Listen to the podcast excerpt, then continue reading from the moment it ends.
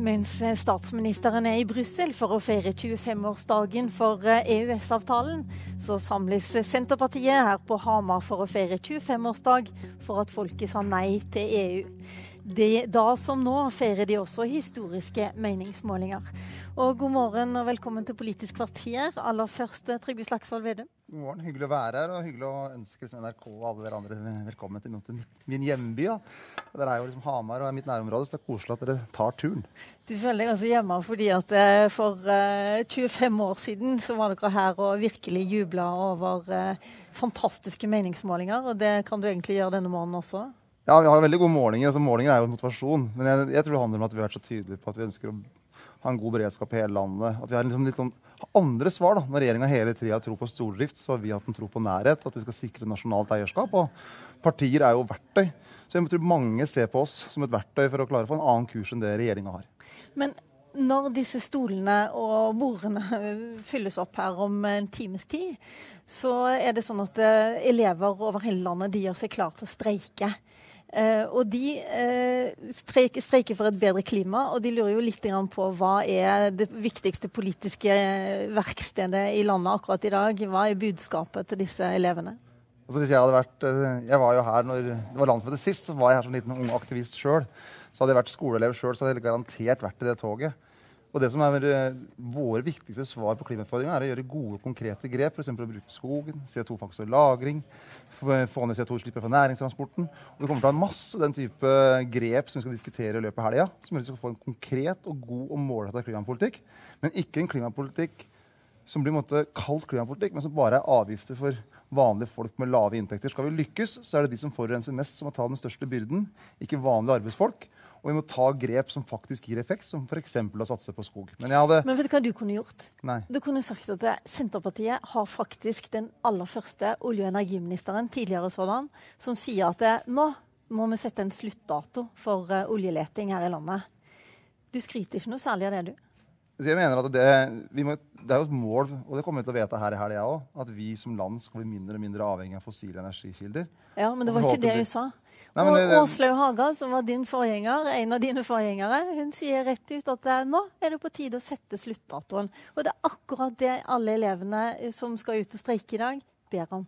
Men det som vi vet, altså, er at norsk olje og oljeproduksjon har gått veldig ned de siste åra. Så har jo etterspørselen etter olje i verden har økt med over 1 hvert eneste år. Så hvis vi hadde bare stoppa all norsk oljeproduksjon, så hadde fortsatt etterspørselen etter olje i verden økt. Så det som er hovedsvaret, det er jo å klare å gjøre oss mer uavhengig av olje og gass. Få ned forbruket av fossile energikilder. Og det er der vi som nasjon nå går og viser vei, for vi har så mye ressurser, vi har så mye penger. Og så må vi også satse på fangst og lagring. For at vi har en enorm sokkel takket være olje- og gassektoren. Så vi kan f.eks. da produsere hydrogen med basis i naturgass. Pumpe CO2 tilbake igjen. Så her må vi klare å ha to tanker i hodet samtidig. Vi må ha en forutsigbar næringspolitikk, og så må vi bruke de ressursene vi har, til så å skape klimavennlige løsninger. Så da er du kanskje enig med din nestleder, da, som egentlig syns det var en feilslutning å snakke om noe sluttdato nå? Altså, vi har, altså, I det, det vi skal vedta her, så er det en veldig tydelig retning når det gjelder forbruk av fossile energikilder. Og så er det en stabilitet når det gjelder olje- og gasspolitikken. Og så ønsker vi å få til storstilt fangst og lagring av CO2, som at vi f.eks. kan bruke naturgass til hydrogen. Mm. Så vi sitter jo egentlig med svara på klimautfordringene i Norge. Men vi må, vi må, bruke ressursene der i stedet for å diskutere symbolene. Men jeg så litt på, for Dere skal diskutere mye klima på dette landsmøtet. Det har vært kritikk internt også for at eh, dere har gjort det altfor lite. Du har snakket om alle andre ting enn klima. Men nå, altså, nå skal dere opprette CO2-fond for næringstransport. Dere skal gi tilskudd til klimavennlige ferjer, bedre togtilbud, bedre rammevilkår, bedre avskrivingsregler. Regler. Dere skal innføre klimafond, og dere skal bevilge penger penger til forskning og opprette grønt investeringsselskap. Og jeg lurer på, Er det noen av alle disse forslagene som ikke bidrar til å styrke skogbruket og landbruket? Men det er det som er så fint. at Noe av det beste klimaløpet vi kan gjøre, er nettopp å bruke naturen. Det må ikke være sånn at når man skal diskutere klima, så skal det per definisjon være vondt og vanskelig. Men jeg er lurer jo- egentlig mest på, er det sånn at når vi skal diskutere klima, så diskuterer vi stadig nye tilskudd til landbruk og skogbruk? Ja, nå da har du lest den der teksten veldig rart. Men det- Hvis du tar for eksempel det som skjer i Norge nå, med en enorm utbygging av vindkraft, småkraft, fornybar energi så var det Ja, og vis... vindkraft skal også bare foregå hvis det er frivillig og de ønsker det Ja, men, men den utbyggingen som nå skjer, er jo takket være de grepa vi gjorde når vi satt i regjering. Med å få inn grønne sertifikater, som har gjort det mer lønnsomt å bygge ut fornybar energi. Og selvfølgelig så skaper jo det også konflikt å bygge ut vindkraft. Men det var et valg som vi gjorde når vi satt i regjering. Og nå er det en storskitt utbygging av fornybar energi. Så vi har en praktisk god klimapolitikk som faktisk gir effekt. Og da Men- kan det være en vinn-vinn-situasjon. Skape både næring, bedre klima, mindre utslipp. Men klarer man å nå målene uten at det skal koste noen ting? Men Uten at vi skal, vi skal kjøre dieselbilene våre så lenge vi vil, og fordi vi har ikke råd til elbilene, som du, du snakker om eh, litt foraktelig av og til. Og så eh, sier du at eh, landbruket og skogbruket de, ja, de skal gjøre noe for klimaet hvis de kan få et eh, fond i tillegg. Ja, men altså, Det virker jo som om eh, dette, dette klimaskiftet det skal komme uten at det egentlig skal koste oss mye. Annet enn skattebetalere, kanskje. Men skogen eh, binder jo ca. 50% av alle landets klimagassutslipp allerede. Takket være gode grep som våre forfedre har gjort. Og det er jo om å gjøre å gjøre gode klimagrep som faktisk virker, som har stor effekt. Men kan du komme med på ett sånn forslag da, som, som f.eks. skogbruket skal bidra med, som kommer til å koste litt for dem? Ja, det er, egentlig så kommer det ikke til å koste mye i det hele tatt. For det kommer til å være, hvis man bare stimulerer mer til planting, mer til gjødsling, mer til en mer aktiv skogforvaltning, så er det en vinn-vinn-situasjon. Det Det stimulerer mer, sier du, men det er sånn at du, du, du legger ikke noe krav på dem. Ja, men det er, vi har mye krav allerede når det gjelder skoglovgivning. Men vi må jo prøve å få til mer enn det som skjer i dag. Det er jo det som er poenget. Ja, hvordan skal Nå- vi få til det? For nå så går jo bindingen av CO2 i skog er på vei ned. For det skjer for lite tiltak i skogbruket. For den hadde mye mer aktiv skogpolitikk på 50- og 60-tallet. Og da må vi gjøre nye grep nå. Også når det gjelder da næringstransporten, så må vi gjøre grep som vi får bort mye av klimagassutslippene der, og får inn mer miljøvennlige transportløsninger. Vi ønsker jo det på bilparken og har vært for elbilpolitikken, men det vi har vært imot, er at det er de som ikke hadde råd til å kjøpe seg en ny bil, skal liksom bli kutta i pendlerfradrag for økte avgifter. At det er de som har minst, som skal ta den største byrden. Jeg er sikker på at det er helt feilslått klimapolitikk når det er de som har lite, som har lavt forbruk, som måte skal ta byrden, mens de som har råd til å kjøpe seg f.eks. en Tesla, skal slippe unna alt. Vi har støtta politikken for elbil, men det vi har vært imot, det er at du skal straffe de som har dårlig råd. Du har sagt en gang at eh, du hater moralisering over andres liv. Det er det verste jeg vet, sier du. Ja, det er det òg. Ja, eksempel når klimadebatten begynner å diskutere i Oslo at man skulle kutte ut kjøttmiddager til de gamle de siste åra i livet, som bare er tull, egentlig. Det har ingen klimabetydning i det hele tatt. Da er det bare moralisering, og det måtte være måtte mer sånn rettskaffen. Vi må heller gjøre gode klimakrep som betyr noe. Og så får vi prøve å ta tak i sitt eget liv. Selvfølgelig kan man gjøre det, men ikke moralisere over andre. Det er altfor mye moralisme i samfunnet. Men, det- så, du trenger, men er ikke det litt moral vi trenger for oss å endre måten vi oppfører oss på? Jeg tror vi trenger mye politikk ja, eh, som gjør at vi klarer å omstille samfunnet. Flere næringsfond, kanskje? Ja, det òg. Ja, men, men klart for eksempel, da, når skogen binder 50% av våre klimagassutslipp nå, og det er på full fart nedover, hvorfor gjør vi ikke noe med det? Eh, Og det er fordi at regjeringa sitter og sover når det gjelder å gjøre gode konkrete klimagrep. Og vi ser bl.a.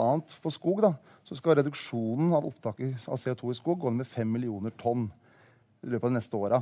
Og det er like mye som samla utslipp fra norsk bilpark. Men allikevel er det ingen debatt om det.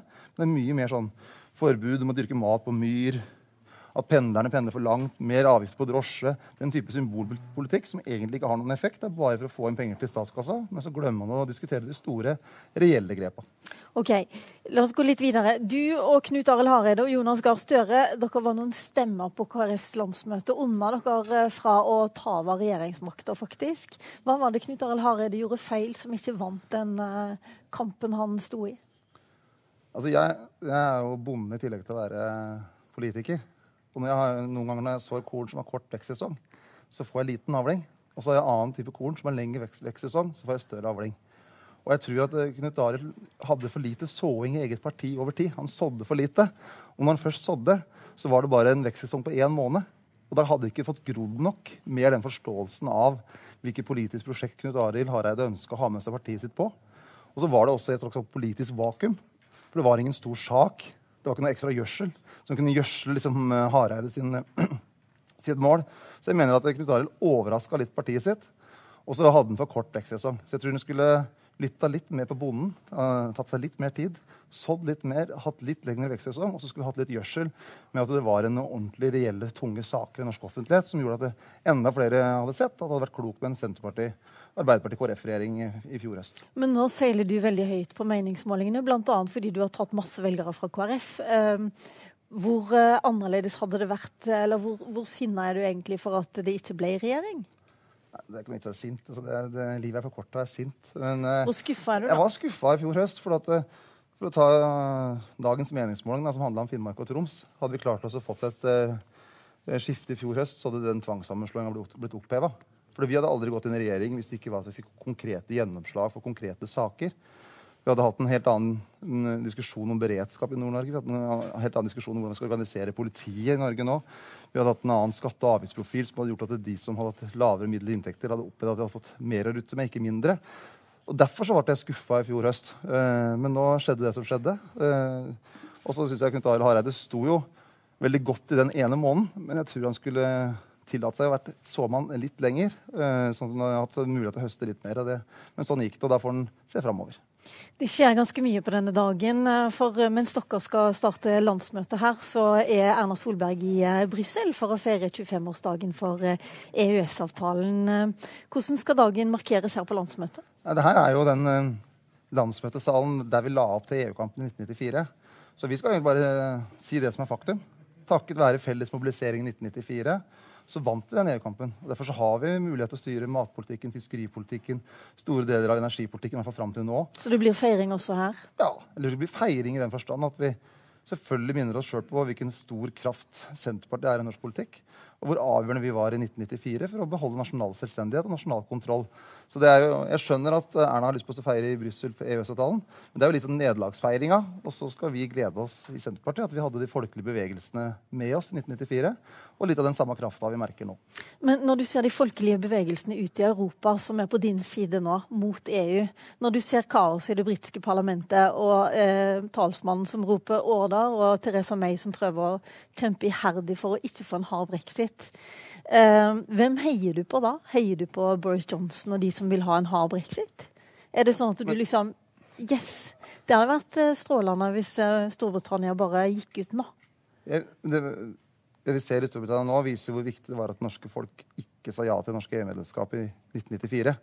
For vi er heldigvis ikke EU-medlemmer og har da en helt annen nasjonal mulighet til å utforme vår politikk. Men spørsmålet egentlig hva tenker du om de du nå er på lag eh, sammen synes, med? Føler du tilhørighet der? Jeg synes Det er veldig uklokt det som skjer, at det er så harde fronter eh, mellom eh, noen EU-ledere og London. For Vi er helt gjensidige avhengige av hverandre. Men så er det så stor, store problemer i veldig mange EU-land. Altså både i Frankrike, Italia, Spania. Altså det, mange lands politiske grunnvoller rister. Så man tør måtte ikke være rause med hverandre. For man er så redd for at hvis man er raus med én, så skal det måtte straffe seg i neste omgang. Så jeg håper at vi kan klare å komme inn i en sirkel av mer forståelse, mer dialog.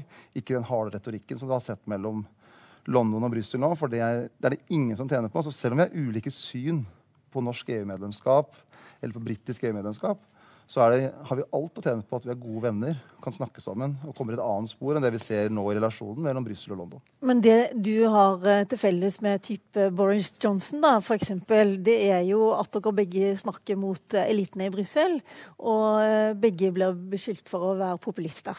Hva tenker du om å bli beskyldt for å være populist? Altså det, altså det er beskyldning, det kan du ikke ta så tungt, egentlig, for du må jo bare si det du mener. Går det inn på deg?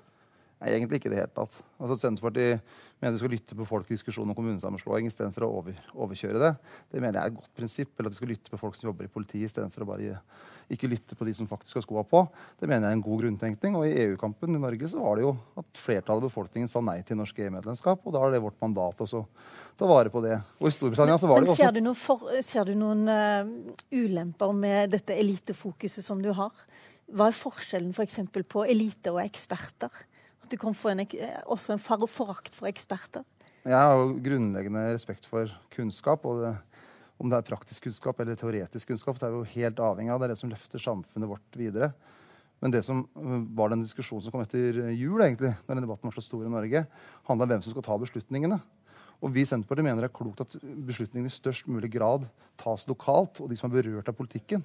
Ikke sånn som dagens regjering har gjort, at man har sentralisert mer av beslutningene, og at man overser ganske tydelige lokale signal, som f.eks. når man hadde en folkeavstemning og 87 sier nei til tvang. Men du hører til og med fra ditt eget parti at uh, du er litt populistisk av og til. Du må snakke